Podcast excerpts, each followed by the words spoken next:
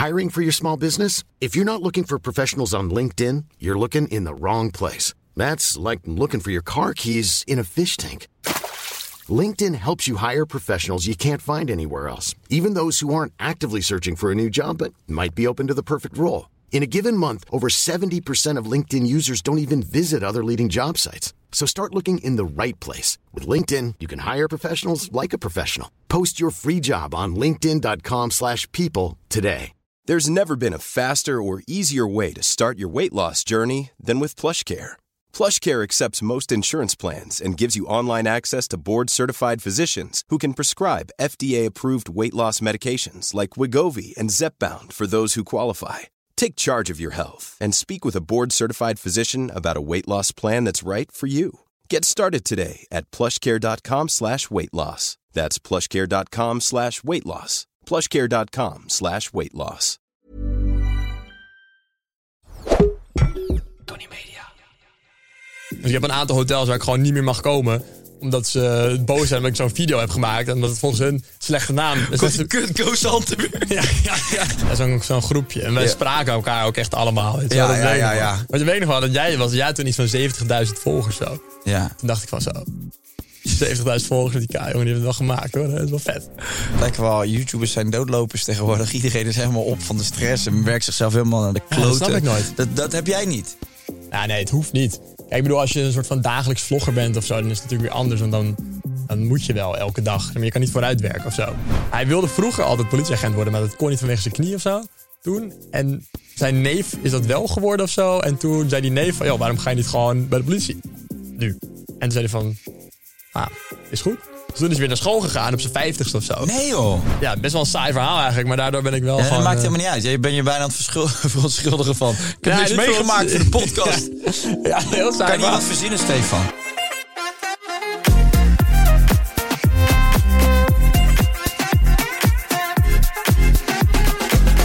De tromlaars van Ibiza. Ah, is goed. Moeten we het daarover hebben? Weet ik niet. Mag overal gaan.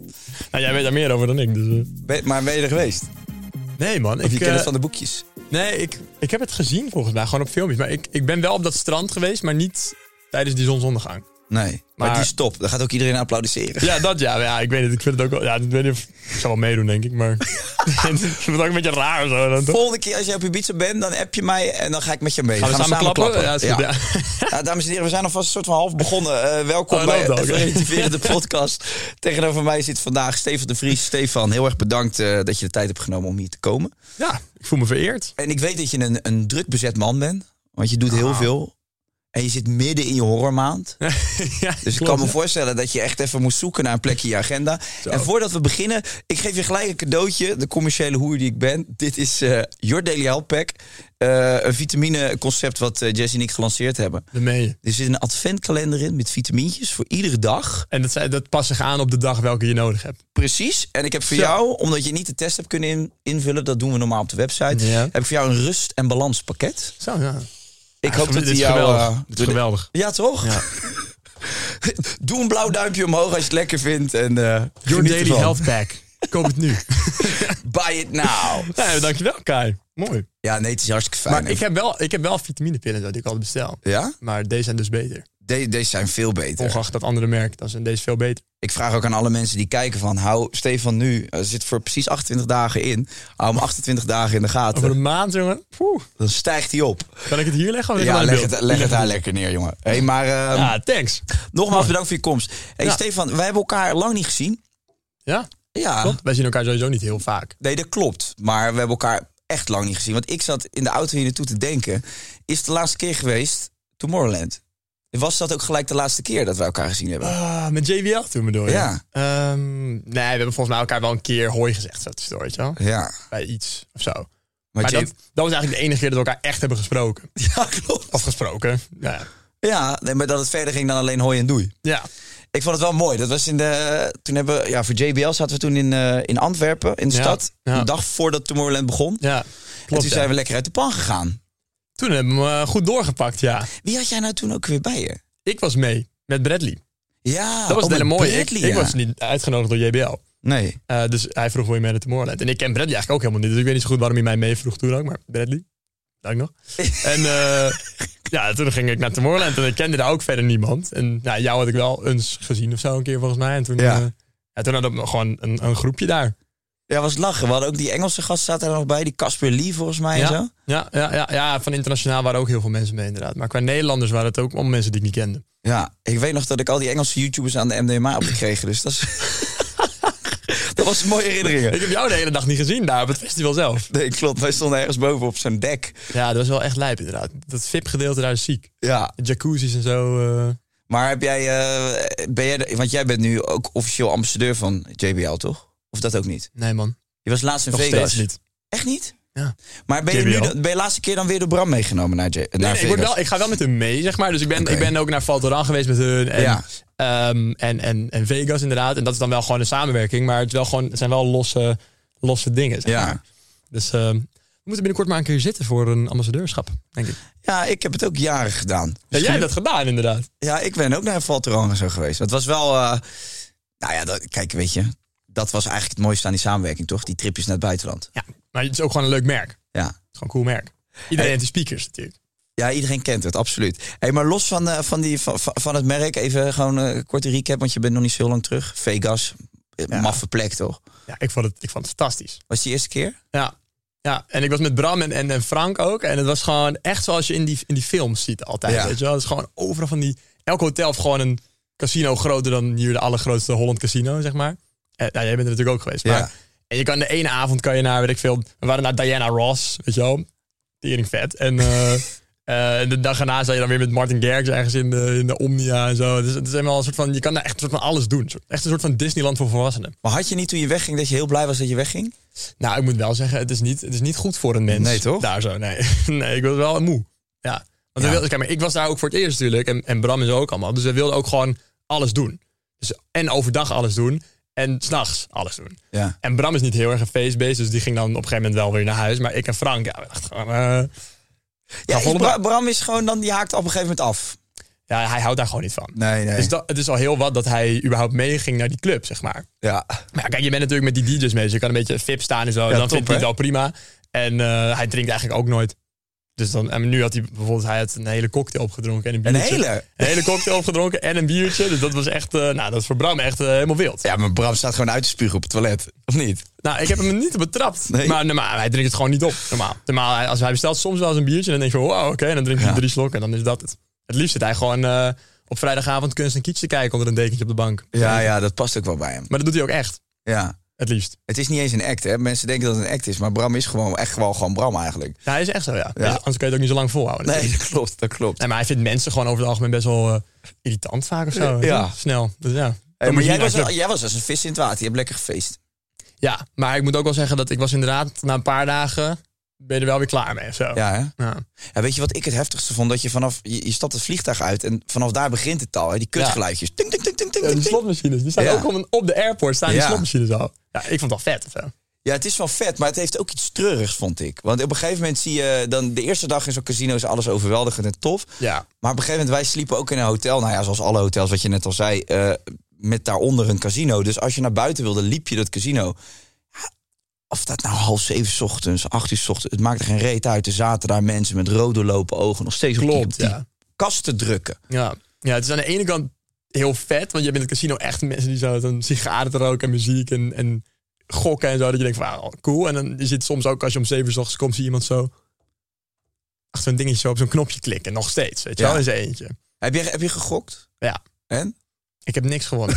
Gegokt ik heb verloren zelfs, Ja? inderdaad. Ja, maar Maar hoeveel wil je dat zeggen of niet? volgens mij is het van 800 dollar of zo. Ja. ja dus ja. Maar had je, had je, had je een, startbedrag in je hoofd?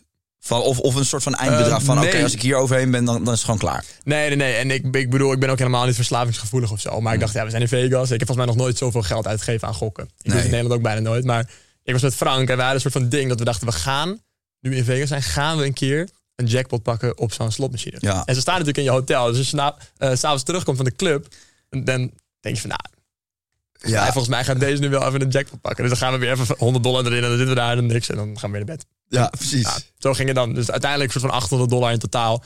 En bijvoorbeeld Blackjack of zo ging dan nog wel goed. Weet je, nou een beetje teruggewonnen en dan weer in de slotmachine. Dus maar, Ja, bij Blackjack zit er nog enigszins... Het slaat natuurlijk allemaal nergens op, maar dan heb je voor je gevoel nog iets van kans. ja. Of invloed op, op het verloop. ja, en in ieder geval meer kans dan met zo'n zo'n zo'n zo'n gokautomaat. Ja, ja, dat is echt de hel. Ja. Ik moest zo lachen. We hadden toen, eh, de laatste keer dat ik geweest ben, was Kortom was mee. Ja. Ken je die jongen? Ja, ja. De YouTuber. ja. En die... eh, Ik ben heel benieuwd wat je nu gaat vertellen. Ja, die was, die, was, die was volgens mij was het 5 mei of zo, 500.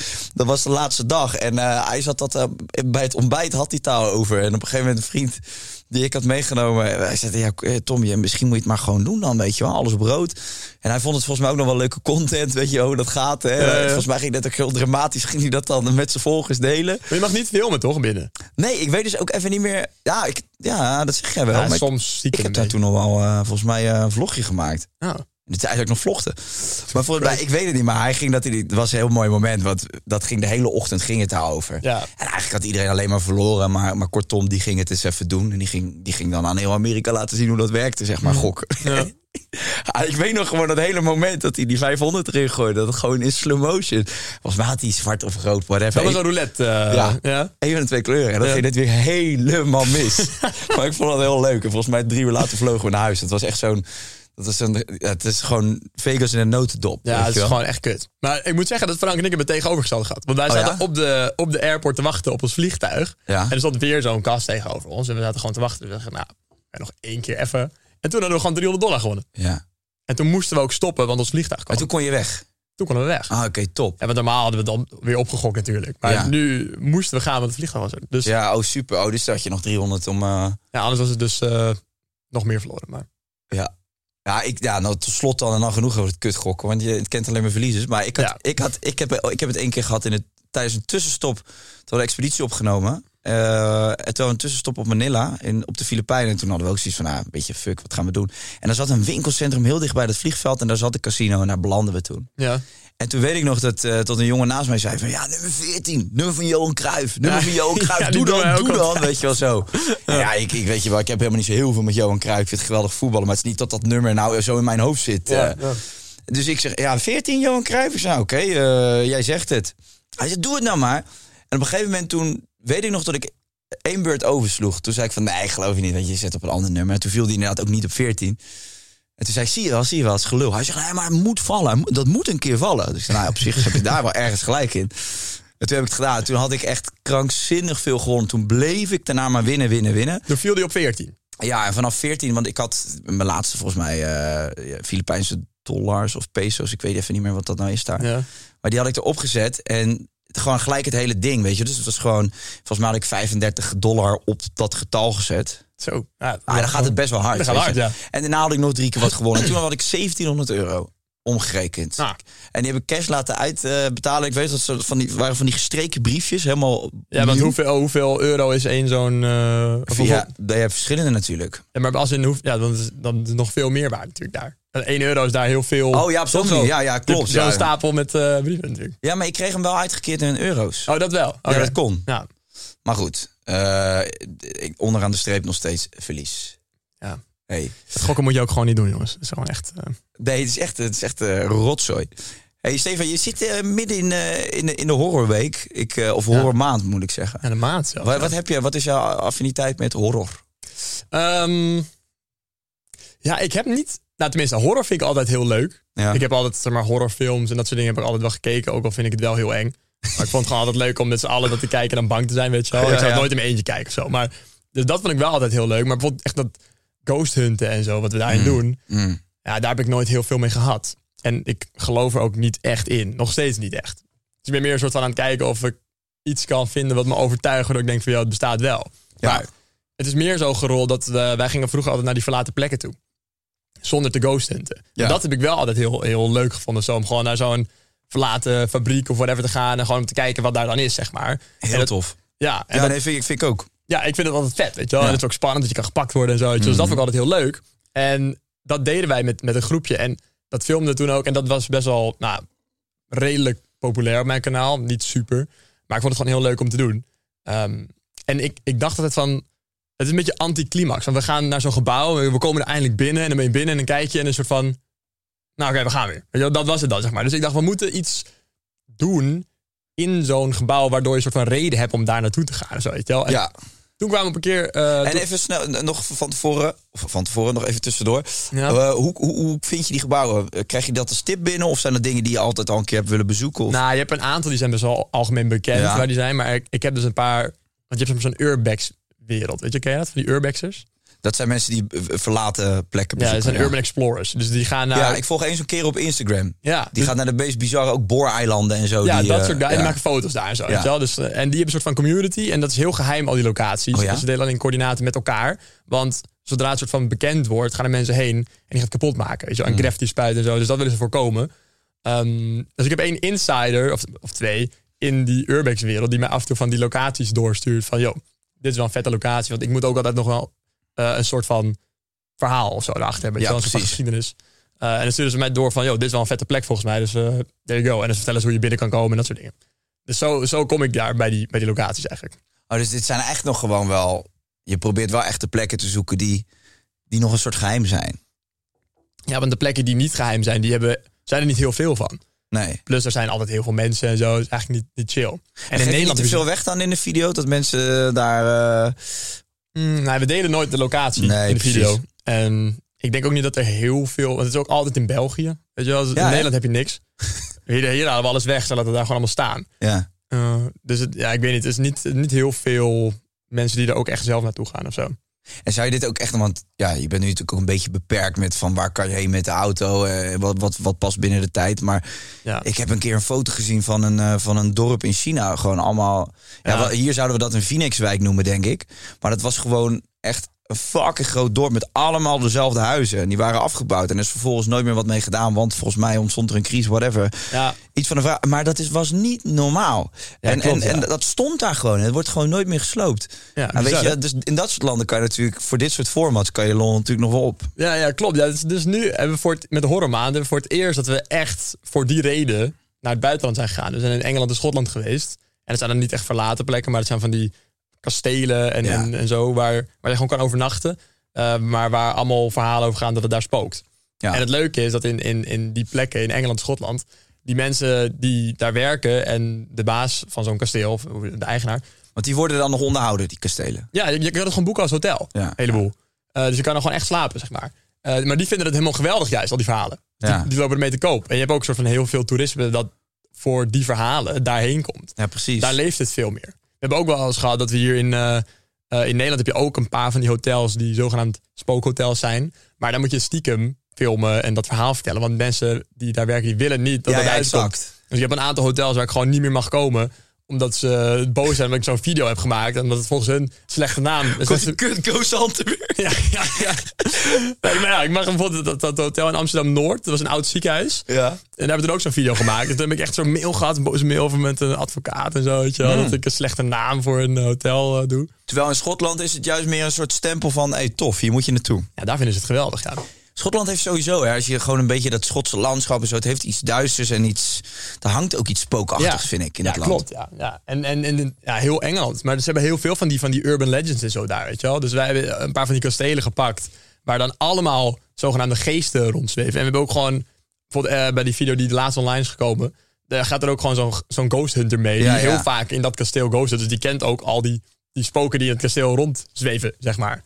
Bij naam. Bij naam, ja, ja, echt. Ja, dus die denkt van, oh ja, we hebben nu contact met deze, eh, weet je wel. Een soort katvrouwtje, maar dan met spoken. Ja, bijna wel, ja. Ja, dat is heel bizar. Hey, en ik zag op je, op je stories gisteren dat je voor het eerst had je volgens mij het idee dat, dat je ook echt daadwerkelijk wat zag wat je niet kon verklaren. En een van jouw volgers had dat gezien. Ja. Nou ja, het- we hebben wel vaker van, van dat mensen iets zien in die video en Ja. dat we dan doorsturen. Ik heb wel één of twee keer eerder gehad, ik dacht van, oh, dit is ook wel echt weird. Maar dit was ook wel zo'n zo'n ding dat je denkt van, ja, ik kan het niet 1, 2, 3 verklaren of zo. Het ziet er wel heel gek uit, maar...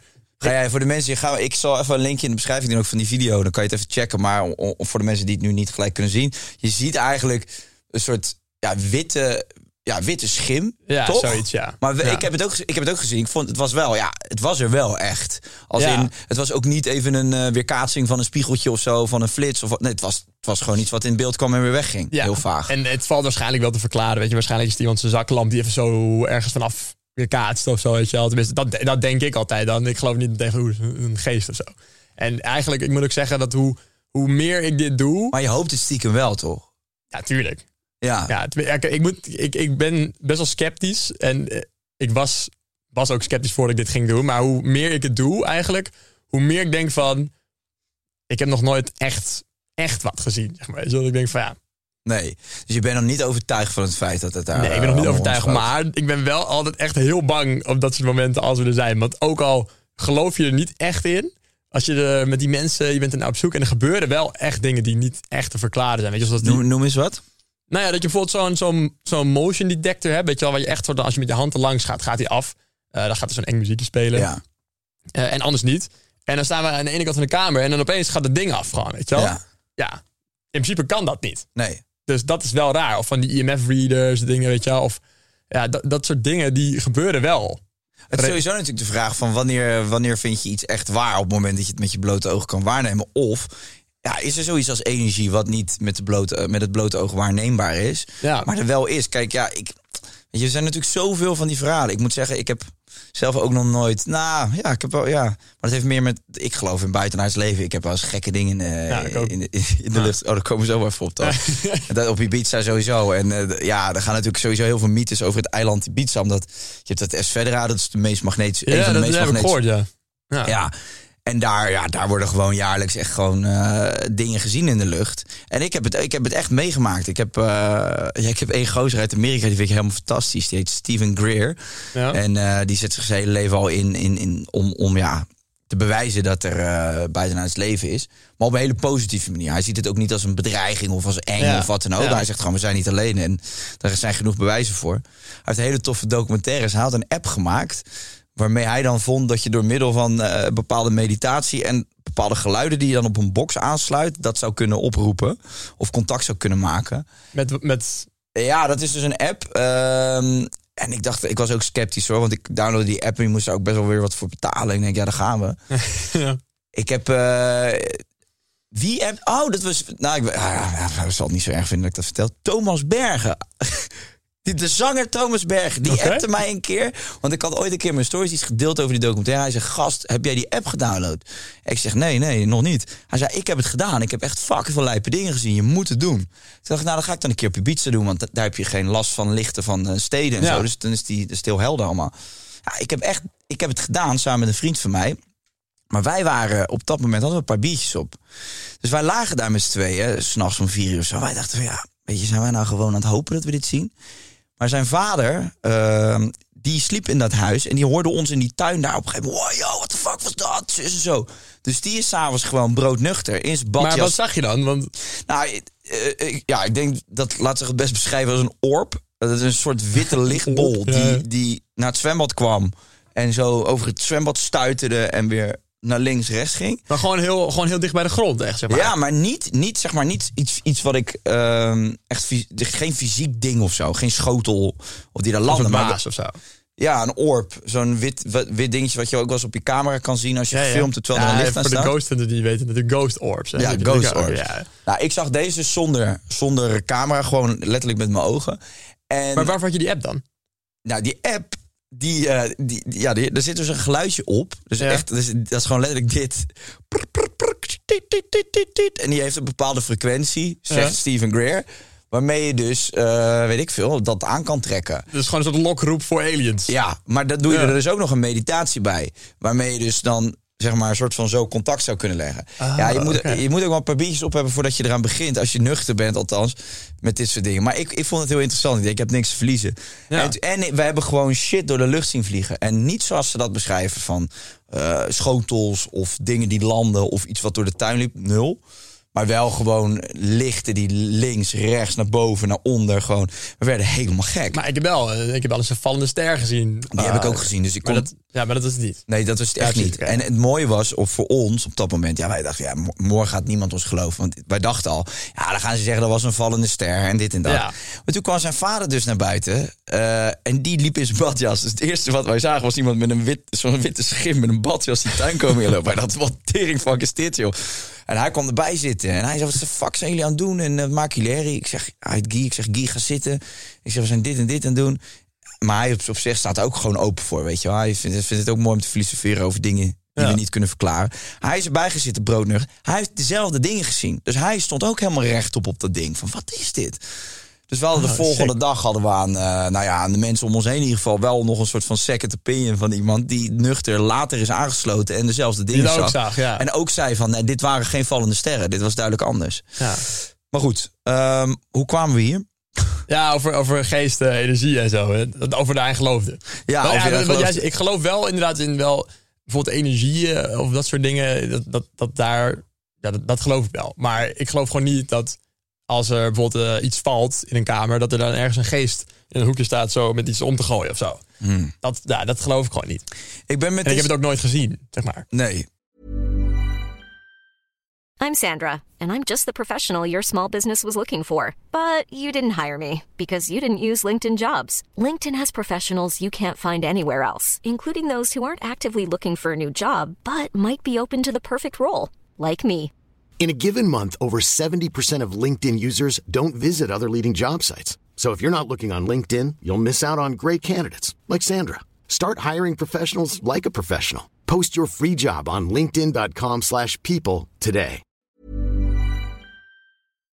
Ja, ik ben met dit soort dingen, ik hou gewoon alle opties open. Want we kunnen het, ja, we kunnen het niet verklaren. En ik, ben er, ik sta er ook gewoon open voor dat we die dingen dus niet altijd kunnen waarnemen met onze ogen. Maar dat er hier ergens in het, weet ik veel, energetische veld zoveel shit gebeurt wat wij helemaal niet weten. Ja, dat geloof ik dan op zich weer wel. Mm. Maar ja, ik bedoel, ik ben best wel praktisch daarin. Dus ik, wat is het vaagste wat je hebt meegemaakt? Wat schuurt er het dichtst tegenaan? Dat je denkt van, oké, dit was wel redelijk onverklaarbaar. Mm, nou, wat, wat bijvoorbeeld één ding was, dan waren we in een soort van ehm, militaire kazerne of zo was het. Verlaten al heel lang. Ja. Nou, er was ook heel veel gebeurd blijkbaar vroeger en zo.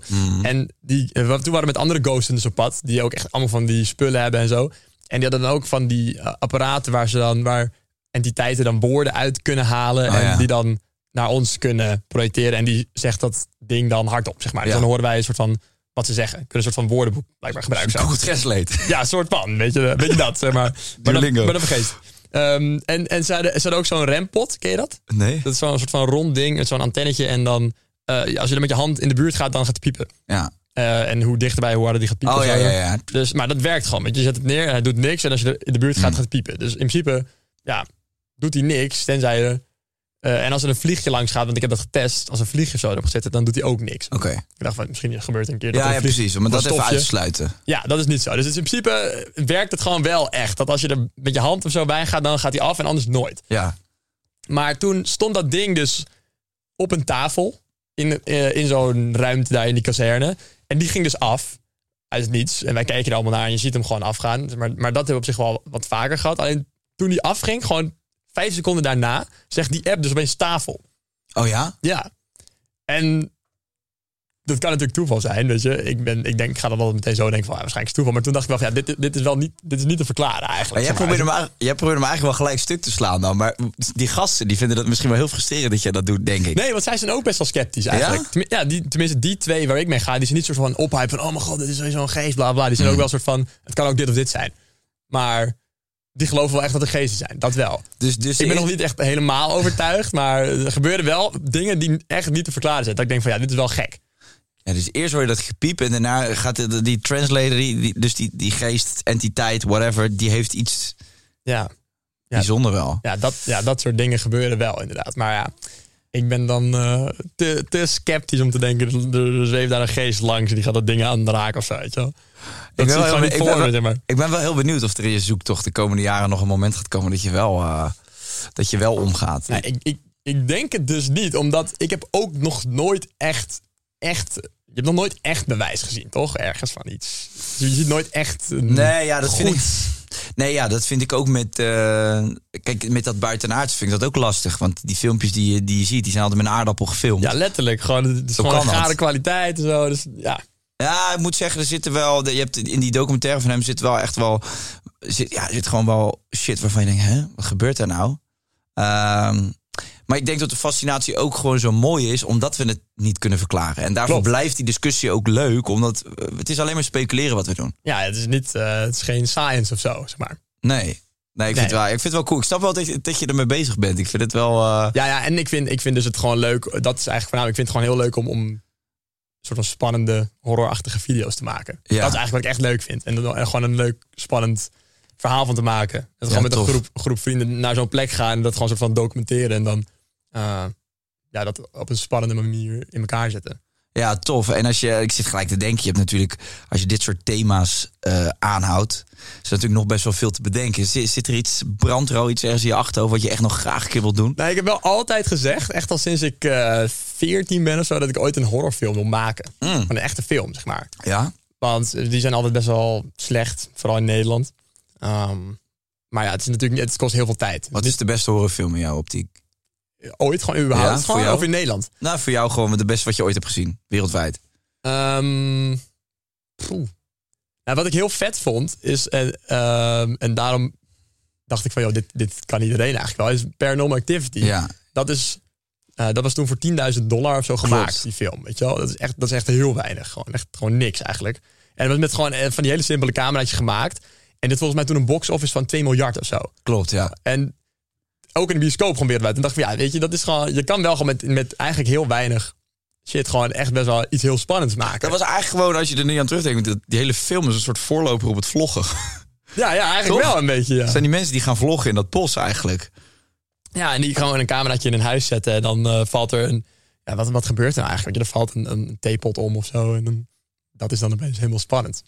Ja, maar doordat het zo dichtbij kwam, omdat het zo realistisch leek... je had echt het gevoel dat je bij die vriendengroep had kunnen horen... omdat het zo Ja. gefilmd werd, werd het doodeng. Ja, maar dat soort horrorfilms vind ik eigenlijk het vetst. Omdat van die, van die uh, hoe noem je dat ook alweer? Een soort van, uh, van, van die fictieve docu's eigenlijk. Hoe noem je dat? Ja? Ik ben even de naam kwijt. Nee, ik snap wat je bedoelt. Uh, maar dat het lijkt alsof het gewoon bijvoorbeeld een echte docu is. Of een soort van ja. per ongeluk met vrienden die iets filmen. En dat het dan wel een echte gemaakte fictieve film is. Maar dat je eerder wel een beetje het idee krijgt van dit zou gewoon ons kunnen overkomen of zo. ja. Maar dat is dan fictief. Uh, ik heb Ja. ook Govert uh, in mijn podcast gehad. Die is natuurlijk ooit een keer naar het Area 51 geweest. Ja, Met Ties. ja dat is Die waar. heeft ja. vastgezegd voor de mensen die dat niet weten. Ja, kon je een hele korte recap. Die twee jongens gingen naar Area 51. En die zijn toen opgepakt daar. Ja, daar mag je natuurlijk niet in. Nee. Ja, no trespassing. Nou, dat hebben ze wel gedaan. Wat ik nog steeds wel echt een gruwelijke actie vind. Dat was toen helemaal... Ja, het, is, het is wel goed afgelopen nog. Ja. ja, ja, die hebben, wat hebben ze vijf dagen daar vastgezeten of zo? ja, ik weet niet precies wat het verhaal was. Maar ze hebben wel, ze hebben wel allebei die mugshot. Hebben ze wel. Ja, dat Ja. is dan wel weer een mooi souvenir natuurlijk. En hij mocht even een tijdje niet naar Amerika. Ik weet niet, ik weet niet of dat inmiddels alweer uh, voorbij is. Ja. Maar dat is natuurlijk ook zo'n plek dat je denkt van... wat gebeurt er nou? Ja. En, en, en Ja. omringd. Het stinkt daar naar mysterie gewoon. Maar dat is natuurlijk meer echt buitenaards leven. Ja. En daar geloof ik veel meer in. Ik geloof niet per se dat er inderdaad aliens op onze aarde komen of zo. Maar ja, het, kan bijna natuurlijk niet dat er niks, nee, niks is verder, behalve wij. Of is geweest. En, en fascineer je ook over dingen, zeg maar, eigenlijk ligt het allemaal in de lijn van het onverklaarbare. Bijvoorbeeld piramides, kan je daar, kan je Ja, daar... vind ik heel vet, ja. Ja, Ja, dat is natuurlijk ook een krankzinnig verhaal. ja klopt, ja. Als je ziet dat die ook allemaal gewoon nog op een bepaalde lijn met elkaar liggen. Ja, dat was niet uit te rekenen. Ja, en met de sterren en dat Niet soort normaal. dingen. En, ja, ze weten ook niet hoe het gemaakt is nog steeds, toch? Nee. Ja. Maar dan kom je natuurlijk ook al heel gauw met je. Als je je brein het probeert te verwerken, kom je heel snel. Ja, dat zullen dan wel aliens geweest zijn. Of iets, iets een hogere macht. Oh, zo. zo, ja, dat zou ook kunnen. Ja, of er is een, eh, een, een eh, beschaving geweest eh, voor ons die veel geavanceerder was dan wij dachten dat ze waren. Dat Ja. kan ook. Ja, dat vind, ik, dat vind ik ook nog een plausibele Want wij weten het natuurlijk maar tot aan de dino's een beetje, een soort van. En we weten, ze weten toch ook dat er daarvoor nog meerdere eh, soort van Ja. levensvormen zijn geweest die heel groot zijn geworden en weer zijn uitgestorven. Ja. Ze weten niet precies wat ze allemaal konden of zo. Er is ook een fucking lijpe theorie. oh, Dat heet eh, het tijdperk van Tartaria. Heet dat. dat gaat erover dat je alle grote gebouwen die je ziet in al die eh, steden. Bijvoorbeeld hier ook in Amsterdam. Mhm. Dat het eigenlijk bijna ondenkbaar is dat ze die gebouwen in die tijd hebben kunnen maken. Zeg maar, met de middelen van toen. Als je ziet ook als je eh, gaat naar Venetië. Als je daar de gebouwen ziet in de Ja. precisie.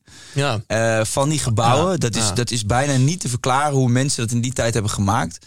En er is dus ook zo'n hele theorie dat die gebouwen inderdaad afstammen van een, van een civilisatie die dat wel al konden.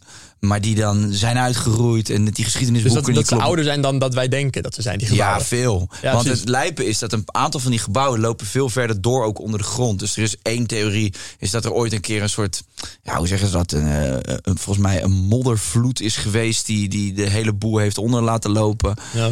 Ah, ik, heb, ik, ik vind dat soort documentaires heerlijk. Of het nou waar is of niet. Maar Ja, je, je hebt ook dat eh, in, de, in de Amazone, toch? Al die, eh, Ja. Ken je dat ook? Dat je hebt daar allemaal van die grote steden eigenlijk in het woud. klopt. Die daar vroeger waren, die ze nu kunnen uitlezen met infrarood. Met infrarood, on- ja. Onder die bomen door. En dan zie je dat er hele grote beschavingen zijn. Maar ook wegen, snel, een soort snelwegen ook ja, gewoon. Hè? en dat is, dus, het is dus dat het schijnt dat toen die eerste eh, ja, vaarders vanuit Europa daar, of de ontdekkingsreizigers daar aankwamen, dat ze dat hebben beschreven en hebben gezegd van, oh, er zijn daar echt lijpe steden en alles. En terug gaan naar Europa. Dus iedereen dacht van, joh, dat moet wel heel lijp zijn. Toen de volgende kwamen, was er alleen nog maar oerwoud. Dus dachten ze van, dat hebben ze verzonnen of zo. Maar dat, dat is dus geweest, blijkbaar, omdat die eerste die daar kwamen allemaal ziektes hebben Ja, meegenomen. mee, ja. Zijn allemaal uitgestorven. En pas een jaar of, weet ik veel, 60, 70, 80 Ja. later zijn die volgende gekomen. En toen was het allemaal weer helemaal dichtgegroeid en weg, zeg maar. Dus eh, volgens mij was iets van 95% van de mensen daar dood gegaan Ja, in de Amazone. dat is een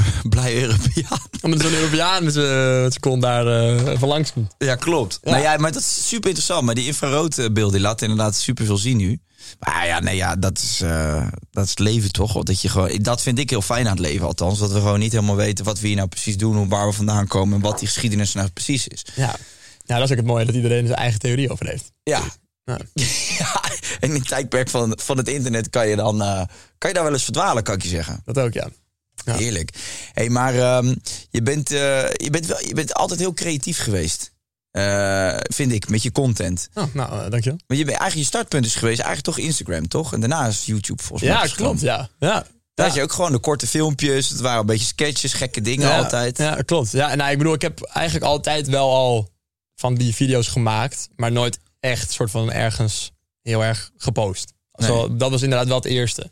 Toen zat ik in de, op school met, met Julia en, en Sean. Ja, Toen maakten we in onze pauze en tussenuren maakten we gewoon van die korte Vine ja sketches. Ja, eigenlijk een soort voorloper van Ja. TikTok. Maar dat deden we gewoon echt voor de lol. Toen wist ik ook helemaal niet dat je bijvoorbeeld geld kon verdienen of zo met, met Instagram. Maar dat is wel waar het eerste beetje echte following is begonnen. Dus ook toen, toen jij dat eigenlijk ook deed met, Ja, met klopt, ja. natuurlijk. Ja, ik kwam met die gekkigheid nog. Ik, ik begon op, op Facebook zelfs. Ja, ik kwam nog verder kwam jij. Ja, ja, ik ben nog, eh, kom nog uit. Ja, dat weet ik nog wel. Want toen, toen, toen begonnen wij daar net mee. Toen had je ook nog, eh, je had Vonneke Bonneke en zo. En, en Tajula. YouTube. Uh, YouTube ook inderdaad. En, En, Defano had ook. eh, de- je had eigenlijk de Fa- Defano. Ik weet volgens mij op, op Facebook had je, de, had je er dan drie. Dat was ik, eh YouTube en Defano die een soort van daar een beetje mee begonnen. En wat, alles wat erna kwam begonnen, volgens mij ging dat al redelijk snel weer naar Instagram. Je had heel veel, ja. Je had een paar van die, zeg vijf tot tien van die. Ja, zo'n zo'n groepje. En wij Ja. spraken elkaar ook echt allemaal. Weet je Ja, dat ja, ja, ja. Maar je weet nog wel dat jij was. Jij had toen iets van 70.000 volgers zo. Ja. Toen dacht ik van zo. 70.000 volgers die K, jongen, die hebben het wel gemaakt hoor. Dat is wel vet. Ja. En daar heeft deze gozer 785 of 8. Nee, je hebt al meer toch? 800 nog wat. Op nu. YouTube, eh Op YouTube. 850. Ja. Ja, lijp man. Ja. Maar het is wel grappig. Dus je, je startpunt is eigenlijk Instagram geweest. Maar nu ben je wel Ja. echt een volwaardig, volwaardige YouTuber, kunnen we dan zeggen. Met gewoon toffe producties. En, Ja, eh, maar dat komt eigenlijk omdat ik, ik, maakte, ik maakte die video's en die zet ik op Instagram. Maar ik vind Instagram zelf eigenlijk helemaal niet zo leuk. nee. En ik ben gewoon die video's gewoon op YouTube gaan zetten op een gegeven moment. Dus een Instagram heb ik nog wel, maar het was niet dat ik echt een Instagrammer was of zo, denk ik. Ik Maar wat, wat, wat vind je dan wel tof? Want wat je, ja, die, die formats waar je het nu net over he- hebt natuurlijk. En, Ja. Maar wat... wat wat hoe, dat wilde ik ook weten. Hoe groot is nou eigenlijk jouw, jouw team, zeg maar? Eh, dat valt wel mee op zich. Ik heb natuurlijk gewoon een management, zeg maar. Dat Ja. al eh, zakelijke, en die helpen ook wel met productie een beetje hier en daar. Content icons. Content icons. Sarah. Eh Sarah en Lies en zo. En die, ehm, die, die helpen natuurlijk ook met productie en dat soort dingen. Maar eh, dan heb ik nog Siebe. Ja. Dat is mijn editor. Ja. Eh, en die zit ook eh, in de video zo. Ja. En, eh, en ik vind het altijd het leuke aan YouTube is dat het heel, eh, heel echt voelt of zo. Dus ik wil eigenlijk ook niet met een te, groot, te grote filmcrew op pad. Weet je wel? Ik vind het juist leuk dat als wij naar zo'n, eh weet ik veel, naar New York gaan, dat het echt mijn vrienden is met een camera. En ik heb de camera en dan, ja, dat, dat voelt gewoon veel echter. Zo. Ik vind het ook leuker om naar YouTubers te kijken die op die manier Klopt. filmen, zeg maar. Net als Mr. Beast zegt ook van, ik doe expres mijn video's downscalen naar 1080 in plaats van 4K, omdat het er gewoon meer YouTube uitziet. Ja, ja, ja, snap Ja. ik. Dus ik heb editor daarvoor, ik heb een editor voor mijn tweede kanaal. En verder... Het is niet Eigenlijk, dat je iemand hebt die nu redactie doet of weet ik veel, een soort van productie of iets. mm, nou ja, je, ja, wel een beetje. Wel een beetje. Ik heb wel mensen die helpen met locaties Ja. regelen of, of dat soort dingen. Maar eh, het meeste, ja, dat meeste doen we gewoon met dat kleine groepje, zeg maar eigenlijk. Ja. En bijvoorbeeld video-ideeën, die, die komen gewoon whenever. Ik bedoel, ik ben gewoon met, met Sean en Bram en Julia en zo allemaal. En dan, ja, dan ontstaan er wel eens dingen gewoon. Maar het is niet dat er daar brainstorms voor Je inplannen geen redactievergaderingen. Nee, en dat soort man, iedere nee. maandag. eh, Nee. neem tijdschriften mee en eh probeer allemaal creatieve ideeën op te... nee, eigenlijk niet. En ik moet zeggen dat ik heb het ook helemaal niet druk mee, vind ik eigenlijk. Nee. Ik heb nu helemaal nu ik zeg maar gewoon eh goede, goede editors en zo heb. Dat, eh, ik heb voor het eerst in mijn leven juist een soort van wat tijd over om nog andere dingen te doen of zo, denk ik zelfs. Ja? Ja. Het is wel grappig. Je hoort natuurlijk alle, alle YouTubers. eh, het lijkt wel, YouTubers zijn doodlopers tegenwoordig. Iedereen is helemaal op van de stress en werkt zichzelf helemaal naar de Ja, dat kloten. snap ik nooit. Dat, dat heb jij niet. Nou, nee, het hoeft niet. Kijk, ik bedoel, als je een soort van dagelijks vlogger bent of zo, dan is het natuurlijk weer anders. Want dan, dan moet je wel elke dag. Maar je kan niet vooruit werken of zo. Nee. Dus dan snap ik dat dat, dat is wel intens, lijkt mij. Maar verder, ja, ik bedoel, het is niet. Ja, je kan het zoveel delegeren als je wil, uiteindelijk, toch? Denk Maar ik. als jij nu een, een normale week hebt, hoeveel dagen ben je echt fysiek bezig met werk en hoeveel dagen heb je echt een soort van vrij voor jezelf? Mm, Denk je? nou, ik moet sowieso natuurlijk minimaal één keer per week filmen voor mijn main kanaal. Of Ja. soms dat zijn er twee dagen. Of soms, bijvoorbeeld, we zijn naar Engeland gegaan en hebben we twee video's opgenomen. Ja. Maar dat heb ik sowieso. En dan zit je reistijd, is het ook in principe je werktijd. Ja.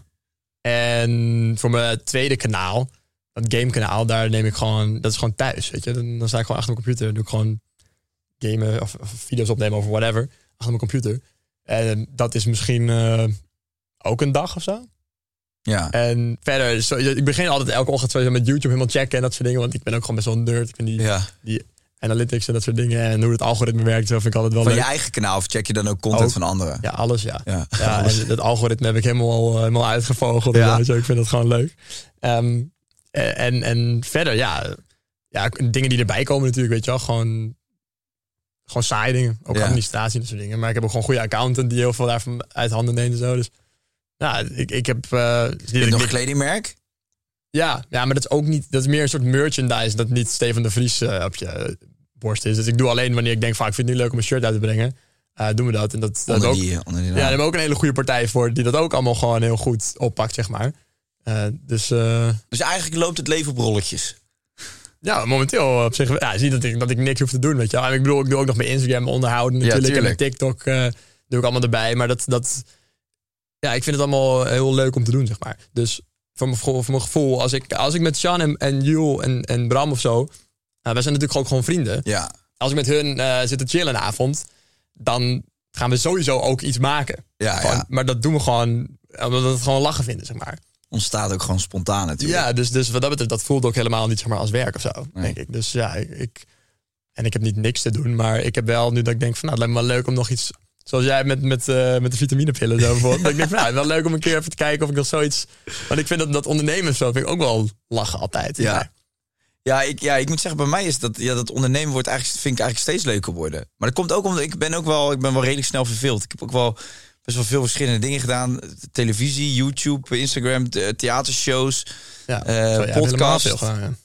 Ehm, en ik moet nu zeggen, nu kom ik ook een beetje, heeft ook een beetje met mijn leeftijd te maken. Weet je, ik had ook pensioen mee. Ja, nou, nou, nou maar nee, ik zal er niet om liegen. Ik probeer wel. Ik zou het wel fijn vinden als ik, als ik een financiële situatie kan creëren. waarin ik dus niet inderdaad tot mijn 60ste me helemaal kapot hoef te werken. Of eh, 67. Ja, maar dan ga je het, wel over nadenken dan op een gegeven moment. Ja, zeker. Ja, dat doe ik nu ook wel veel. En ik vind, wat ik belangrijk vind, is dat je nu... We hebben allemaal een bereik, nou, dat is super waardevol. Eh, maar dit zijn, ook, dit zijn ook de jaren waarin je ze moet verzilveren. Ja. Ehm, want ja, je hebt heel veel mensen ook om je heen die, die, die hebben een enorme piek en, en, en die verdwijnen daarna weer. Of die houden het niet vol. Terwijl ze, mijn inziens, op het moment dat jij gewoon ja, de piek van je carrière zit. En wanneer dat precies is, dat weet je niet. Maar je weet wel wanneer dingen eh, goed gaan. En, Ja. en dat bereik moet je dan gewoon eh, zien te verzilveren. En als je dan gewoon een product op de markt brengt waar je echt achter staat. En je moet niet gewoon maar iets gaan verkopen om het verkopen. Ja. Maar waar je achter staat en waardoor je dus heel veel stappen overslaat. Die bijvoorbeeld star- andere start-ups eh, niet kunnen overslaan. Ja, je hebt wel een, eh, een eh, luxe positie. dat Toch? Ja, ja, zeker. Ja, en ik vind het dan zonde als je dat, als je dat niet... Ja, of je, of je hebt een bedrijf wat je zelf heel tof vindt en je stapt daarin. zeg maar, Precies. Om marketing op te pakken of dat soort dingen. Ja. ja, er zijn heel veel opties te bedenken. Maar dat zijn, wel, dat zijn wel stappen die je eigenlijk nu moet nemen op, op jonge leeftijd. Terwijl je misschien... Kijk, weet je, heel veel YouTubers of, of influencers... of ja, jonge mensen die iets doen met een groot bereik... Ja. die verdienen natuurlijk wel heel makkelijk heel veel geld. Laten we eerlijk zijn. Ja, En met mak- makkelijk bedoel ik niet dat mensen niet hard werken... maar er komt veel geld binnen. Hè, waar, waar mensen van onze leeftijd eh, eh, over het algemeen echt van schrikken. Als je ziet wat YouTubers kunnen verdienen. Maar da- daardoor kan je misschien ook eh, lui worden op dat moment. Denk van, oh ja, het is allemaal goed toch? Maar er kan ook Ja. een moment komen, dat heb ik dan weer, dat je denkt van, ja, maar oké, maar je weet niet of jij op je 35 nog dezelfde energie hebt om te doen wat je nu doet. Plus Ja. dat ik ook vind, heel veel dingen passen dan ook niet meer bij je. Nee, maar je ziet vaak twee, twee dingen die er gebeuren. Dus of ehm, mensen denken inderdaad van, nou, ik heb het gemaakt, eh, chill, ik ga, Ja. eh, weet ik veel, whatever met mijn geld doen. Of mensen die denken van, wow, vet, ik heb nu dit geld en dit bereik, ik ga daar iets lijps mee doen wat je normaal gesproken niet zou kunnen doen. Ja, ja, Dat, heb je, dat zie je het allebei. ja klopt. En die tweede zie je minder vaak, wel. Maar het kan, het kan natuurlijk heel makkelijk op zo'n moment. Omdat je inderdaad en bereik hebt, iets wat, wat heel moeilijk te krijgen is eigenlijk, en geld. ja. Je hoeft niet ergens een lening of een investeerder of zo, dat hoeft in principe dan niet. Nee, nee, nee, als je het goed doet, niet. Nee, als je het niet Je over bent de heel vrij. Ben hoe ben je met geld? Ben je iemand die eh, makkelijk geld uitgeeft of ben je juist heel voorzichtig? Ik geef eigenlijk. Nou, dus ik ben wel makkelijk in geld uitgeven, maar ik geef het nooit eigenlijk aan, aan onnodige dingen uit of zo. Nee? Voor mijn gevoel. Nee. Ik Ik ben niet iemand die hele dure horloges of eh, dure auto's en dat soort dingen. Nee, ik heb op zich. Ja, ik, heb niet, ik heb niet per se een hele goedkope auto, maar het is gewoon. Ja, prima auto. Wat voor auto heb je? Ik heb zo'n eh 3-serie Oh ja, BMW mooi. uit eh, 2020. ja. Nou, ik vind hem top. ja En is ik- die ook? En ik denk ook van. Soms denk ik wel van, nou, ik zou wel even een, een upgrade willen of zo. Maar dan denk ik ook weer van, ja, weet je. En dan, het zeg maar, het, ik had hiervoor had ik een A1, zo'n Audi. Ja, Ja, die was op een gegeven moment wel echt een beetje klein. Ja. Weet je wel? En toen dacht ik, nou, ik wil wel even iets grotere auto. Misschien ook een beetje cool. Dus ik heb wel nu gewoon ja, een mooie auto die gewoon prima is. En gewoon chill. En ik denk van, ja, waarom zou je nu nog iets moeten hebben of zo? Wel? ja, Dus dat is het hè, ja. De, Het staat ja nergens op. Dan ga ik liever met, die, met, die, met het geld, eh, weet ik veel, bijvoorbeeld een bedrijf opzetten. Moet je wel iets bedenken, maar nou ja, je zou ook een, eh, een rode Ferrari kunnen kopen natuurlijk, zoals Gio Latoy. dat zou ook kunnen. Nou, maar dat heeft hij wel slim gedaan. Want hij heeft natuurlijk niet zo'n standaard Ferrari. Hij heeft zo die speciale of zo. Ja joh, en hij is Die helemaal... verliezen in principe geen waarde, toch? Of gaan ze zelfs stijgen in Nee, waarde? nee, nee als, hij, nee, als hij hem niet in de prak rijdt, Als hij dan... niet in de eh, prak rijdt, inderdaad. ja. En hij laat hem in die garage staan, dan eh, gaat hij zichzelf nog wat terugverdienen. Mhm. Maar ja, hij, ja, volgens mij geniet hij er ook zoveel van. Ik, heb, ik, heb, ik, ik, ben ook, ik zou dat ook niet zo snel doen. Nee, maar ik vind het dan, daar is het ook weer nog een beetje een marketing ding natuurlijk. Weet je, als ik Dat kijk naar Joel het. Beukers bijvoorbeeld. Ik- als ik kijk naar wat hij met die auto's doet, hoe, dat pakt hij echt wel slim aan. Niet normaal. Het is niet dat hij dus gewoon zo'n klakkeloos geld erbij uitgeeft voor mogelijke auto's zo. Dat is best wel, die maakt echt wel winst op die auto's. Klopt, ja, dat, maar bij Mobicep natuurlijk ook. Ja. Het, zijn gewoon, het zijn gewoon rijdende eh, reclamebanners gewoon. Ja, en plus hij heeft nu dan bijvoorbeeld, eh, eh, ja, Mobise weet ik dan niet, maar Joel ben ik op zich wel goed mee. Heeft hij die, die 6x6, Ja. die was volgens mij 5 ton of 6 ton waard in het begin. En die is nu al een miljoen of zo waard. Ja? Ja, Ja, die worden gewoon niet meer gemaakt of zo. nee, die wordt niet meer gemaakt. Ah, dat ding is ook echt zijn- absurd natuurlijk. Ja, ze slaat nergens op. Maar die zijn in 2016 gestopt met, met dat maken, volgens mij. Of zo. Ik weet niet heel veel van auto's. Nee, nee. Maar dat is wel echt een lijpe investering eigenlijk. Ja, nee, maar dat is ook En zo. marketing. Precies, absoluut, ja. Maar hij valt ook niet op gelukkig met die gouden kleur. Nee, Nee, maar dat, dat is heel goed. Ik volgens mij had... eh ik, Mo Bicep vertelde volgens mij... Ik weet nou niet waar die was geweest. Een soort buitenlandtrip gemaakt. En die staan natuurlijk ook... Al die dingetjes staan ook op de zijkant van die auto, toch? Al je Instagram-handles en zo. Ja, en je ja. naam bedoel ik. En eh, gewoon door zo'n tripje te maken... Gewoon tienduizenden nieuwe volgers erbij. Ja. Maar ja, weet je, tof als je dan ook nog een product verkoopt. En die mensen hebben het dat gezien. is top. Je moet het ook kunnen converteren op een gegeven moment. Ja. Naar iets van een product of zo. Ja, maar die, eh er wordt wel eens lachen over gedaan. Maar die gasten die denken echt wel na. Ja, absoluut. Want van de buitenkant lijkt het misschien alsof die jongens hun geld er doorheen smijten. Maar die, eh, ja, die zijn er gewoon slim mee bezig. Ja, klopt. Ja. Ja, daarom. Maar ik hou er niet van om zo'n naam op mijn auto. En dat soort Nee, joh, maar dat past ook niet bij jou, vind ik. Ja, ik vind, ik vind het ook, eh, ik vind het ook wat chill dat, dat mensen niet weten waar, waar- hoe alles eruit Nee, ziet. Waar je allemaal woont en dat soort dingen. Weet je wel. Dus, hoef ik allemaal Nee, joh, maar zo heeft iedereen toch zijn eigen manier eh, van content maken. Sowieso. Nee, je hebt ook allemaal een eigen identiteit. En bij de een past dat wel en bij de ander niet. Klopt, ja. ja. Terwijl ik vind het wel heel vet, zo'n zo'n dikke auto, weet je wel. Ja, tuurlijk. Maar ja, als je Joel Beukers ziet, ja, eh, als ik zijn content bekijk, denk ik ook van ja, ik, het past ook Logisch. bij wat jij doet en Ja. wat jij uit. Ja. Ik kan misschien Maar- een eh, nieuwe IMF-reader kopen om de ghost te... ik zou best verbaasd zijn, moet ik zeggen. Als ik hier in de studio zit en ik hoor ineens... En ik zie, ik zie jou met zo'n eh, met zo'n AMG aankomen rijden. Dat zou, dat zou ik meer verbazen zijn. Ja. Maar ja, goed, als je ervan houdt, prima. Hey, maar hoe, hoe- wat ik ben, ben wel benieuwd, zeg maar, jouw, jou- jouw jeugd. Hoe, ik, weet dat, ik, weet dat, ik weet daar niks van af, zeg maar. Heb jij, heb je zussen, broers, ja, ik heb één zus. één zus? Ja.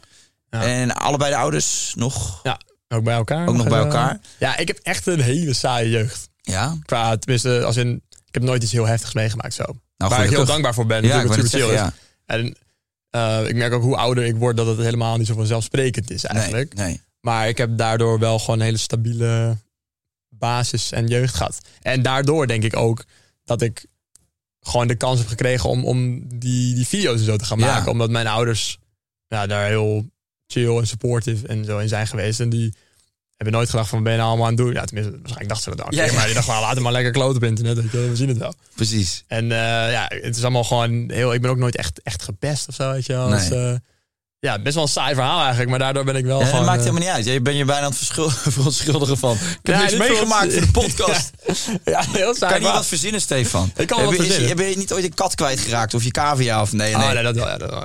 nee maar wat dat is toch hartstikke fijn. Ja, en, absoluut, eh. Maar je komt, je komt op mij ook wel echt over als een eh, stabiele gozer of zo. En ik denk wel ook, eh, daar, daar, spe- daar spelen on- ongetwijfeld je ouders wel een rol in. Ja, 100%. Je hebt wel een Ja. Ik denk wel dat je een vaste, gewoon een hele stabiele, vaste ondergrond altijd hebt gehad, of niet? Ja, ja zeker. Ja. Bijvoorbeeld mijn, mijn vader die was eh, in het zakenleven bijvoorbeeld, was hij best wel veel weg. Ja, Maar mijn moeder die is gewoon altijd thuis geweest op onze, op onze reten passen, zeg maar. ja. Ja, en, en, en ik, zeg maar, ik heb een beetje best of both worlds gehad, denk ik. Want mijn moeder is echt, zeg maar, super lief en zorgzaam. En echt van eh, helemaal dat gedeelte soort van opgepakt. Mijn vader is dat ook wel, maar die is ook wel een beetje een harde, harde zakenman. Dus ik heb heel veel van hem geleerd. In, in, in, nog steeds trouwens ook in, in, in dat gebied, zeg maar. Waar echt een soort van traditionele feminine en masculine eh, Eigenlijk wel, energie ja. thuis. Ja, ja, ja, eigenlijk wel. Maar wel heel, eh, gewoon heel respectvol naar beide kanten. Mijn vader zegt ook van, weet je... ik heb mijn hele carrière ook te danken aan je moeder. Omdat Mm. Zij eh, jullie heeft eh, verzorgd eigenlijk. Ja. Want ze wilde ons niet in een, eh, in een hoe noem je, het, opvang of zo. Ja, ja. ook wel eens. Crash, een crash zo. internaat. TBS-kliniek. ja, ook niet. Maar dat, dat wilde ze niet. Dus dat, en mijn moeder heeft daar wel gewoon haar baan voor opgezegd en zo. En die is gewoon, en mijn vader die kwam dan een keer om 11 uur 's avonds of soms weken niet thuis, omdat hij in het buitenland was. Wat doet hij als ik vragen mag? Of je dat... Nou, dat is wel, hij, nu is hij politieagent. Oh ja? Dat is wel een grappig verhaal. Hij was toen, hij was, heeft, hij was eh, COO, Ja. Chief Operating Officer, Ja. bij Kroijmans. Ken je dat? Ja, wat is... Dat is een... eh Auto-importeur. Echt mega. Echt zo'n miljardenbedrijf. maar Kroijman- Kroijman zit toch ook in Hilversum daar? Of, ja, dat is een dealer. Ah, ja, een dealer. Maar die, hadden, die hebben alles. Die hebben Kia, die hebben Ferrari, die hebben Aston Martin, die hebben Hummer. Hadden ze. ze hebben echt, weet ik veel hoeveel van die automerken. Eh, zijn allemaal van, in Europa importeerd zijn in ieder geval. Of zijn van hun of zo. Ik Ja, weet niet precies hoe dat zat. Maar het is echt een mega bedrijf, zeg maar. En dat was een beetje dan de rechterhand van, van Frits Kroijmans. Oké. En toen op een gegeven moment... eh, nou, verdienen natuurlijk tering van geld, want dat eh, krijg je daar dan. Ja. Maar ehm, ja, dat is wel zo. En op een gegeven moment toen eh, vond hij dat gewoon eigenlijk helemaal niet meer leuk. Want die mensen in die autowereld vond hij allemaal heel nep en zo, zei hij. Ja. En hij werd er gewoon niet blij van. Hij was heel veel weg. En hij vond het wel chill om wat meer thuis te zijn. En toen ging hij kijken wat hij daarna wilde doen. En hij wilde vroeger altijd politieagent worden. Maar dat kon niet vanwege zijn knie of zo. Toen. En zijn neef is dat wel geworden of zo. En toen zei die neef van... Joh, waarom ga je niet gewoon bij de politie? Nu. En toen zei hij van... Ah, is goed. Dus toen is hij weer naar school gegaan op zijn vijftigste of zo. Nee joh. Ja, met die gast in de klas heeft hij gewoon eh, die, die opleiding gedaan tot politieagent. En toen... Maar, maar in uniform, op straat. Ja, hij wilde juist gewoon in Amsterdam, waar het zo heftig mogelijk is, gewoon eh, op straat rijden in zo'n auto achter de en zo. Maar mag dat nog? Op die leeftijd. ja, maar ja, dat vroeg hij zich ook van, willen ze je wel hebben, maar ze willen juist graag wat meer oudere, volwassen mensen hebben, plaats van van die jonge broekjes hebben. Ja, oké. Dus eh, en hij vond het helemaal geweldig. En nu is hij, eh, nu is hij in de 60. Dus nu is hij iets meer binnenwerk aan het doen, recherche en heel veel voor goede doelen en dat soort dingen. Ja. En beetje saxofoon spelen en zo. En mijn moeder... Die, op, op het politiebureau. nee, dat, dat hij doet thuis. Dus ik niet op het politiebureau. Maar, eh, en mijn In moeder, auto rijdt zo de. Met in de cel. Ja. Ja, dus de, en mijn moeder die doet allemaal vrijwilligerswerk in het ziekenhuis en zo nu. En eh, ja, een beetje chillen. Dus de, dat, en, want wij zijn nu weg natuurlijk. Dus eh, Ja, ja. Ja. Wat, wat een bizar verhaal. Want ehm, ja, je, je vader is op zijn vijftigste is hij dat gaan doen. Maar dat is natuurlijk een wereld van verschil met wat, met, met wat hij deed. Eh, Ja, ja. Hoe, hoe was dat voor, voor, voor jullie en voor je moeder, zeg maar? Dat je, je, gaat, je vader staat ineens misschien wel s'nachts eh op Museumplein en vechten de mensen uit elkaar te halen. ja dat, dat, dat gebeurt ook regelmatig natuurlijk. Nou, er gebeurt echt lijpe shit in Amsterdam. Ja. Waar wij niks van weten gewoon. Dus eigenlijk elke dag wel een of andere steekpartij of schietpartij of zo. Dat is echt heel lijp eigenlijk. Maar ja, dat eh, was op zich wel chill. Want hij was gewoon veel vaker thuis. En hij zag, kijk, hij zegt ook dat politieloon. Hij zegt dat is echt zo weinig, zeg maar. Dus hij, hij eh, is best wel asociaal eigenlijk. Voor het werk wat je moet doen en zo. Ja, vind ik hoe, ook. Hoe weinig je daarvoor krijgt. Hij Ja, zegt, ik ik snap niet hoe je met, als je dit salaris hebt, gewoon een heel gezin kan rondkomen bijna. Eh, dus hij ziet dat als een soort van eh, hobby of zo. Ja. Gewoon eigenlijk echt, hij doet het helemaal niet voor het geld natuurlijk. Want Nee. zou hij niet gaan doen. En het, het- hij werkt ook veel minder, zeg maar. Dus hij heeft gewoon een, volgens mij vier, vijfdagige werkweek, zeg maar. Terwijl hij was eerst volgens mij eh 80, 90, 100 uur zo aan het werk. Zo, maar dan volg je wel echt lijp eh, goed je hart, zeg maar. Als je op je Ja, vrije ik vond het die- heel vet, eh, ja. Ook, wat je zei natuurlijk, een baan gehad waar je heel veel geld verdiende, maar gewoon dit gaan doen omdat dit is wat je tof vindt. En dan ook gewoon denken, ja, op mijn vijftigste, hoe gives a fuck, ik ga dit gewoon nog even rocken. Ja, ik vond het eh, wel, Echt tof. eh, wel vet, ja. Je moet ook maar durven, inderdaad. Maar vond je het niet spannend dat je pa ineens eh, in, in bizarre situaties terecht zou kunnen komen? Mm, nou, ik ben niet zo gevoelig daarvoor eigenlijk. Nee? Nee, dat heb ik dan ook een beetje van hem, denk ik weer. Maar, maar ja, hoe vaak hoor je nou dat er een Nederlandse agent doodgaat? Dat hoor je eigenlijk nooit, toch? Nou ja, nee, gelukkig niet. Maar ja, ik heb Nee, dat. gelukkig eh, niet. Maar ik bedoel, ik, nou, ik denk niet van, dat is nou heel, eh, een heel gevaarlijk beroep, had ik het idee. Terwijl er Die overigens ook eh, ooit nog een keer in de podcast komt. Die zou komen, maar die kon helaas niet meer. Ja, Eh, dus daar gaan we, daar, gaan we het daar vast nog wel een keertje over hebben. Ehm, maar die... ehm, ja, nee, ja, ja oké. eh, Nee, ja, het komt niet vaak voor dat je dan hoort dat een, een agent overlijdt. Maar wel gewoon situatie. Wat ik ook bizar vind, is dat je natuurlijk gewoon wel eens een deur opentrekt van een huis. en, en dat je niet weet wat daar ligt. Of, klopt. Hij heeft wel echt lijpe verhalen inderdaad verteld over dat soort shit, weet je wel. Ja, dat vooral. Hij eens verteld dat hij dan ergens een huis, dat is een heel lang verhaal maar dat hij een huis in moest in zijn eentje via een balkon, helemaal donker. En ze wisten niet zeker of daar iemand zat. Ja, En dan liep hij daar met zo'n lampje in zijn eentje, want hij moest naar de voordeur. En daar stonden zijn collega's om die open te doen, zodat ze ook naar binnen konden. ja. Liep hij in zijn, huis, met zijn eentje met zo'n zo'n zaklamp door het huis, weet je wel, zo alles checken. En dan gangetje en dan badkamer. En dan even kijken in die badkamer, nou niks. En dan zei hij, er hangt zo'n douchegordijntje. Hij dacht, nou, even kijken. Dus het douche- douchegordijntje weg. Springt opeens zo'n guy gewoon achter het in één keer zo, zo bovenop hem, zeg Ja, maar. Zo. ja. Nou, dat, is- dat is echt als een horrorfilm, weet je wel. Zo'n douchegordijntje, weet je wel. Nou, dat is echt tering eng gewoon. Maar de, ja, het beland je in een gevecht. Ja, precies. Dat, dat- ja, dat soort dingen. Heeft hij nog karatecursus genomen toen hij op de politieopleiding ging? Nou, niet karate, denk ik. Maar eh, ze doen wel echt, eh, je moet wel echt van die vechtoefeningen doen. Ze kunnen wel allemaal vechten, agenten. Oprecht. Ja. Als in gewoon een beetje zelfverdediging, dat soort dingen. Ja, je moet natuurlijk wel een beetje eh, uit de voeten kunnen. Ja, Wat bijzonder, bijzonder verhaal. Hey, en als Ja. je dan als je daar naar luistert, want je, je zit nu nog lekker vol in het, in het maken. je vindt het ondernemen wat interessanter. ja. Zie jij jezelf ook nog, ben, ben jij ook zo? Zou je, zou je ook gewoon, zie je het voor je dat je van het een op de andere dag gewoon besluit iets compleet anders te gaan doen? Ja hoor. Ja? Ja, ik moet zeggen dat ik vind video's maken wel gewoon echt, gewoon, daarom doe ik dit. Omdat ik dit gewoon het allerleukste vind, zeg maar. Dat heb ik ook altijd gedaan. Dus ik denk dat ik wel altijd daar iets mee zou doen of zo. Mm. Toen wij op vakantie gingen met onze vrienden vroeger, maakte ik ook gewoon video's daarvan. Weet je wel? Ja, gewoon ja. van een aftermovie of zo, weet je wel, wat iedereen toen deed.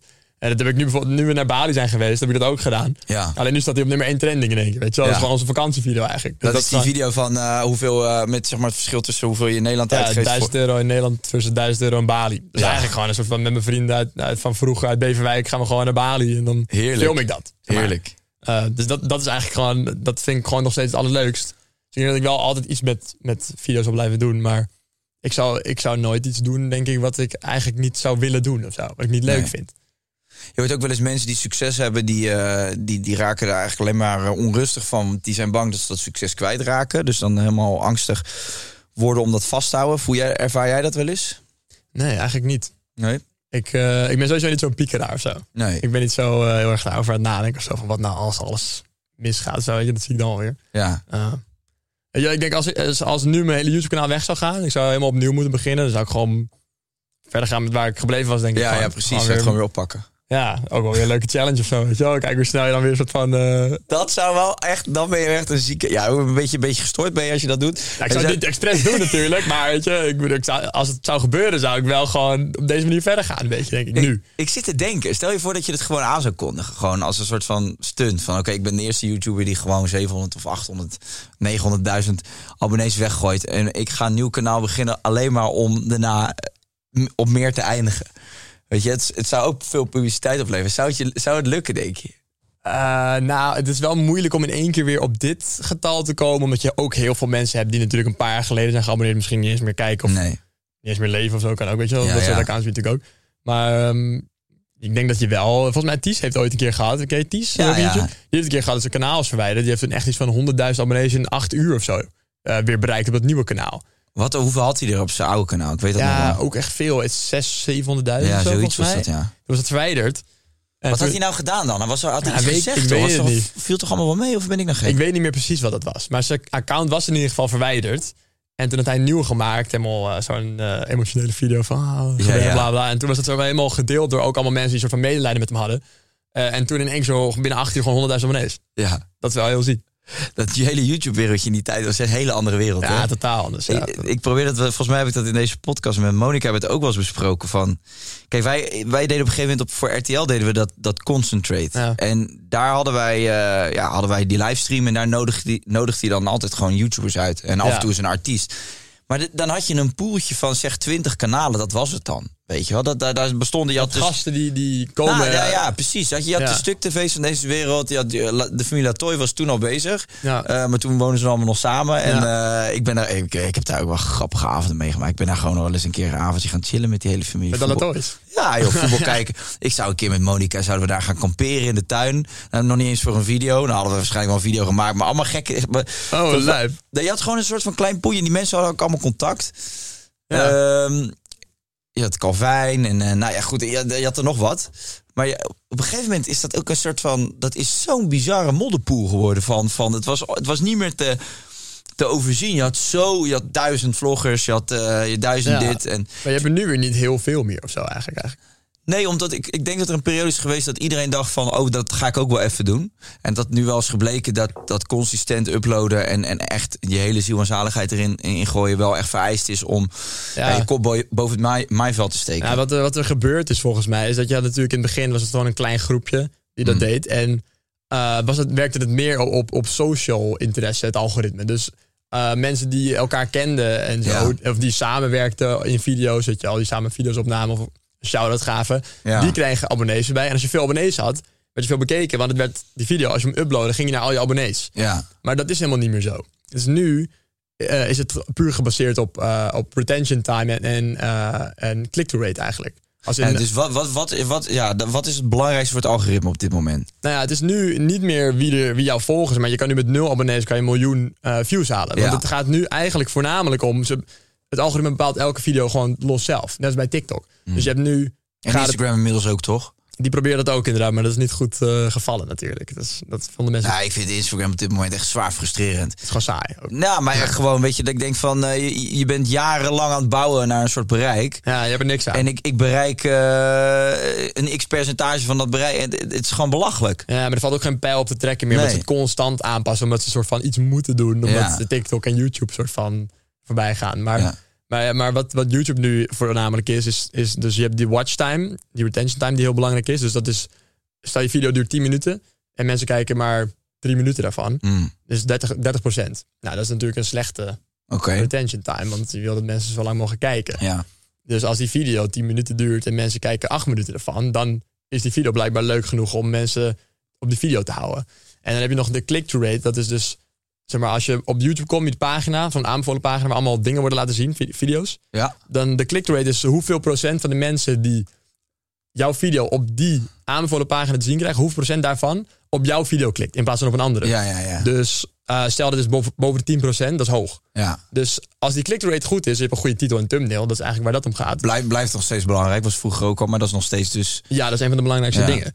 Maar dat, dat dus niet alleen meer, wat vroeger dus alleen dat was, is dan ook de retention time heel belangrijk. Omdat ze, als ze eenmaal geklikt hebben, Ja. hoe lang blijven ze dan kijken? Weet je, was het geen clickbait? Als die titel en thumbnail heel eh, vet is, je denkt, oh, kijken. En je denkt na één minuut van, ja, wat is dit voor iets kuts? Ja, en je klikt weg. Ja, blijkbaar is er dan iets niet nice aan die video. Mm. Dus als die allebei nu hoog zijn, dan... Kijk, want YouTube wil alleen maar mensen zo lang mogelijk op het platform houden. Dus als die allebei heel hoog zijn, dan uh, denkt eh, denkt YouTube van, joh, deze video houdt mensen heel lang hier vast. Ja. Dit gaan we aan meer mensen aanbevelen. En als die er ook allemaal op klikken, dan gaat het natuurlijk viral eigenlijk. Ja. Dus op die twee dingen is het gebaseerd. Dus als jij vroeger een Q&A kon uploaden van jezelf, voor de camera zitten, en al je volgers vonden dat leuk, dan, werd, dan deed die video het goed. Ja, precies. Maar als je dat nu doet, het gaat niet per se alleen maar naar je volgers. Nee. En heel veel mensen die denken van, ik hoef die Q&A niet te zien. Of die denken, ik wil wel zien. En denken na 10 minuten van, fucking saai, ik klik weg. Ja, dan, gaat, dan doet die video het ook niet goed, weet je. Ja. Dus dat, die content is gewoon totaal veranderd. Bij het eerste, 80% van de YouTubers, die zaten gewoon voor de camera precies. een soort van Q&A op te nemen. Of een Chubby Bunny challenge of zo. Je kon, je kon met alles wegkomen ook. Je moet alles wegkomen, want mensen keken toch wel als je Ja. veel abonnees had. Maar Ja, dat is nu niet meer zo. Dus ik denk dat die YouTubers allemaal weg zijn. Ja. En toen was er een hele tijd dat we allemaal mensen dingen probeerden en whatever. Nou, dat is heel veel niet gelukt. En nu zie je echt dat de mensen die wel echt rekening houden met het algoritme of, of, iets, of iets heel unieks hebben of whatever, Ja. dat die het wel goed doen. En dat is best wel, best wel een klein groepje inmiddels. Je hebt ook heel veel YouTubers die heel groot zijn qua abonnee-aantal, maar gewoon niet meer scoren. Nee, klopt. Weet je wie ik echt hardcore vind in Amerika? Eh, Die Nelk Boys. Hoe die... eh, Wij waren met hun in Bali, hè? Echt? Ja, tenminste, we waren met hun, maar ze waren op hetzelfde feest. Ik wou net zeggen, want jij zei van, ik was op Bali en je had die video, jij zei van, ja, video met vrienden daar en daar. Toen dacht ik, ik had die video van hun gezien, dat ze op Bali waren. Oh, heb, heb je die gezien? Ik heb die niet gezien. Ja, ik moet, zo, ja, ik moet daar gewoon heel erg om lachen. Ik, Ja. die, die, vooral die Kyle, Kyle, Kyle, Ja. Kyle, die, die, die maakte echt, nou, drie, drie jaar geleden zeker nog maakte die echt nog crappy video's. Vier jaar misschien. Ja. Waarin gewoon echt, zij ging gewoon met een autootje vanuit Canada, eh, met die Jessie deed die het eerst. Gewoon echt, gewoon YouTubers gewoon, weet je. Gewoon Ja. met een cameraatje, geen geld op zak, maar gewoon een beetje proberen te maken. Ja. En dat is gewoon een fucking, als je nu ziet wat daar allemaal aan vasthangt. Als je het hebt over ondernemen nog, hè, met, die, met die Happy Die Dad. merch en zo. En wie zij allemaal die podcast krijgen van. Elon Musk tot Ja, aan. ook vet, ja. Ja. En ik vind Danny Duncan vind ik ook gruwelijk hoe hij die Ja, video's maakt. maar die doet niks. Ja, die doet wel eens met. Dat zijn wel losse kanalen, toch? Ja, ja, Danny Ja. Duncan doet het gewoon een apart kanaal. Maar hoe hij die video's, die cameraman en die edit, die snapt het gewoon. Ja, maar hij is ook gewoon. Ja, het kan, in Amerika kan het ook allemaal natuurlijk. Dat ook, al schieten en de gekke shit wat hij allemaal doet natuurlijk. En hij is ook gewoon. Ja, zo'n zo'n gekke guy of zo. weet je wel. Dat je gewoon denkt, wat is hij? Zo. Ja, maar Gewoon ook gewoon, er gaat altijd iets kapot in die video's. Ja. Eh, of hij blaast iets op. Dus het is ook, er gebeurt ook altijd wat. En Ja. de manier van editen is gewoon heel snel met toffe muziek. Tak, tak, tak. Ja, en die, klopt, die teaser, als je het dan hebt over die, eh, hoe lang blijven mensen hangen.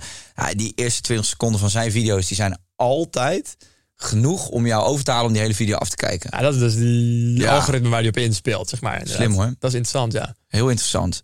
hey, eh, Stefan, ehm, ja, we zijn het uurtje voorbij. Oh, het eh. er al op, joh? Ja, Ja. jongen, ik, ik ga je vriendelijk bedanken. Ik vond het leuk en interessant. En ik moet echt zeggen, ik ben wat dat leuk. betreft... eh, ja, weet je, ik ben er ook gewoon ehm, nooit helemaal in thuis geweest. Eigenlijk in YouTube. Ik heb, ik heb wel eens wat dingen op YouTube Nee? gedaan. Maar nee, ja, ik was ook nooit goed in editen of dat soort dingen. Dus ik vond het heel erg tof om, eh, om even een beetje te praten. Interessant. Ehm, ja, je, heb je nog iets wat je wil aankondigen? Of ik bedoel, je hebt zelf een, een gigantisch bereik, maar is er nog iets wat je met de wereld wilt delen? Eh, nou, nou, niet per se eigenlijk. Nee, Ja, nou, niet dat heel kan veel lijve dingen. We gaan binnenkort weer een nieuw kaart van hem opnemen. Met en Bram. Een nieuw car. Zo, die laatste stond op iets van 5,6 miljoen views, zag ik. Welke laatste? Nou, ik weet weet niet het, of dat de laatste is. Die, nee, maar dat één nummertje met Bram heb gemaakt. eh, Potentie is bijna platinum. ja? Vind ik een En wanneer ben je ook weer platinum? 17,2 miljoen streams. Tering. Maar alleen Spotify telt mee, want op YouTube hebben we er gewoon 11 miljoen ook nog. Maar dat telt dus niet. Heel ouderwets. Ja. Dus die komt.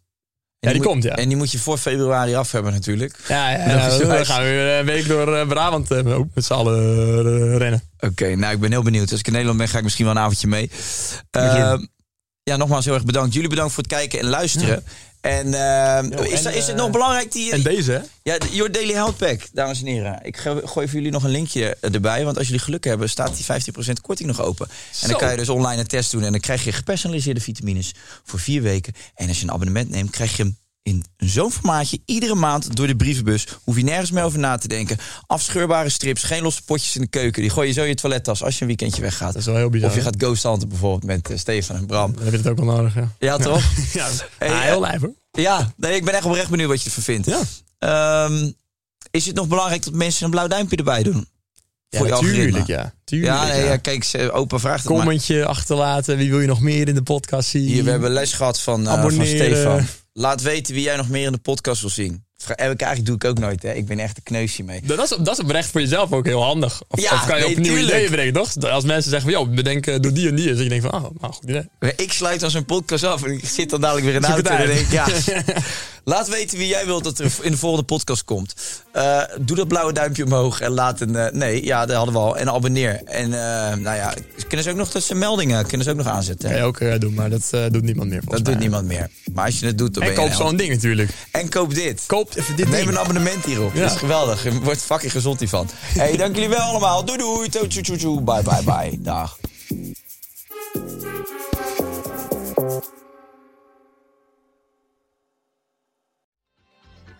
Weet je waar ik zo'n tyfushekel aan heb? toeristen als het te druk is in de stad, zelf koken. Ja, alles wat je nu zojuist benoemt. En daarom maken jij, denk Daan Hogevorst, Ja, Robert Rodenburg. een podcast waarin we alleen maar klagen. Want klagen is HET medicijn tegen het collectieve leed wat maandag heet. Dus elke maandagochtend een nieuwe te horen op je favoriete podcast-app. Maandag Klaagdag! Jezus, zingen moeten wij nooit doen. Want to get a chiseled look in the jawline? Sculpt and shape your jawline with added volume from Juvederm Volux XC. Juvederm Volux XC is an injectable gel specifically designed to be robust enough to improve moderate to severe loss of jawline definition. And it is the first and only hyaluronic acid filler approved for the jawline. Add volume to your jawline for a chiseled look with Juvederm Volux XC. For important safety information and to find a licensed specialist, visit juvederm.com. That's J U V E D E R M.com. Not for people with severe allergic reactions, allergies to lidocaine, or the proteins used in Juvederm. Common side effects include injection site redness, swelling, pain, tenderness, firmness, lumps, bumps, bruising, discoloration, or itching. There's a risk of unintentional injection into a blood vessel, which can cause vision abnormalities, blindness, stroke, temporary scabs, or scarring. Talk to a licensed specialist to find out if it's right for you. Visit juvederm.com. That's J U V E D E R M.com. Als je toch de tijd neemt om een podcast te luisteren, dan kan het maar beter je favoriete podcast zijn. En elke maandag in je favoriete podcast-app. Snapt iemand nu dat de podcast ook echt je favoriete podcast heet... en dat het gemaakt wordt door Stefan de Vries, Julia Heetman en Sean Demmers? Waarom praat je over jezelf in de derde persoon? Waarom, waarom er staat hier Sean Demmers en Judah Heetman. Waarom moet jij nou weer voor mij? Dat ging per ongeluk, Sean. Ja, dat ging per ongeluk. Ja, jezus. Steve, jij moet nog nee zeggen. Oh, nee. yeah. Yeah.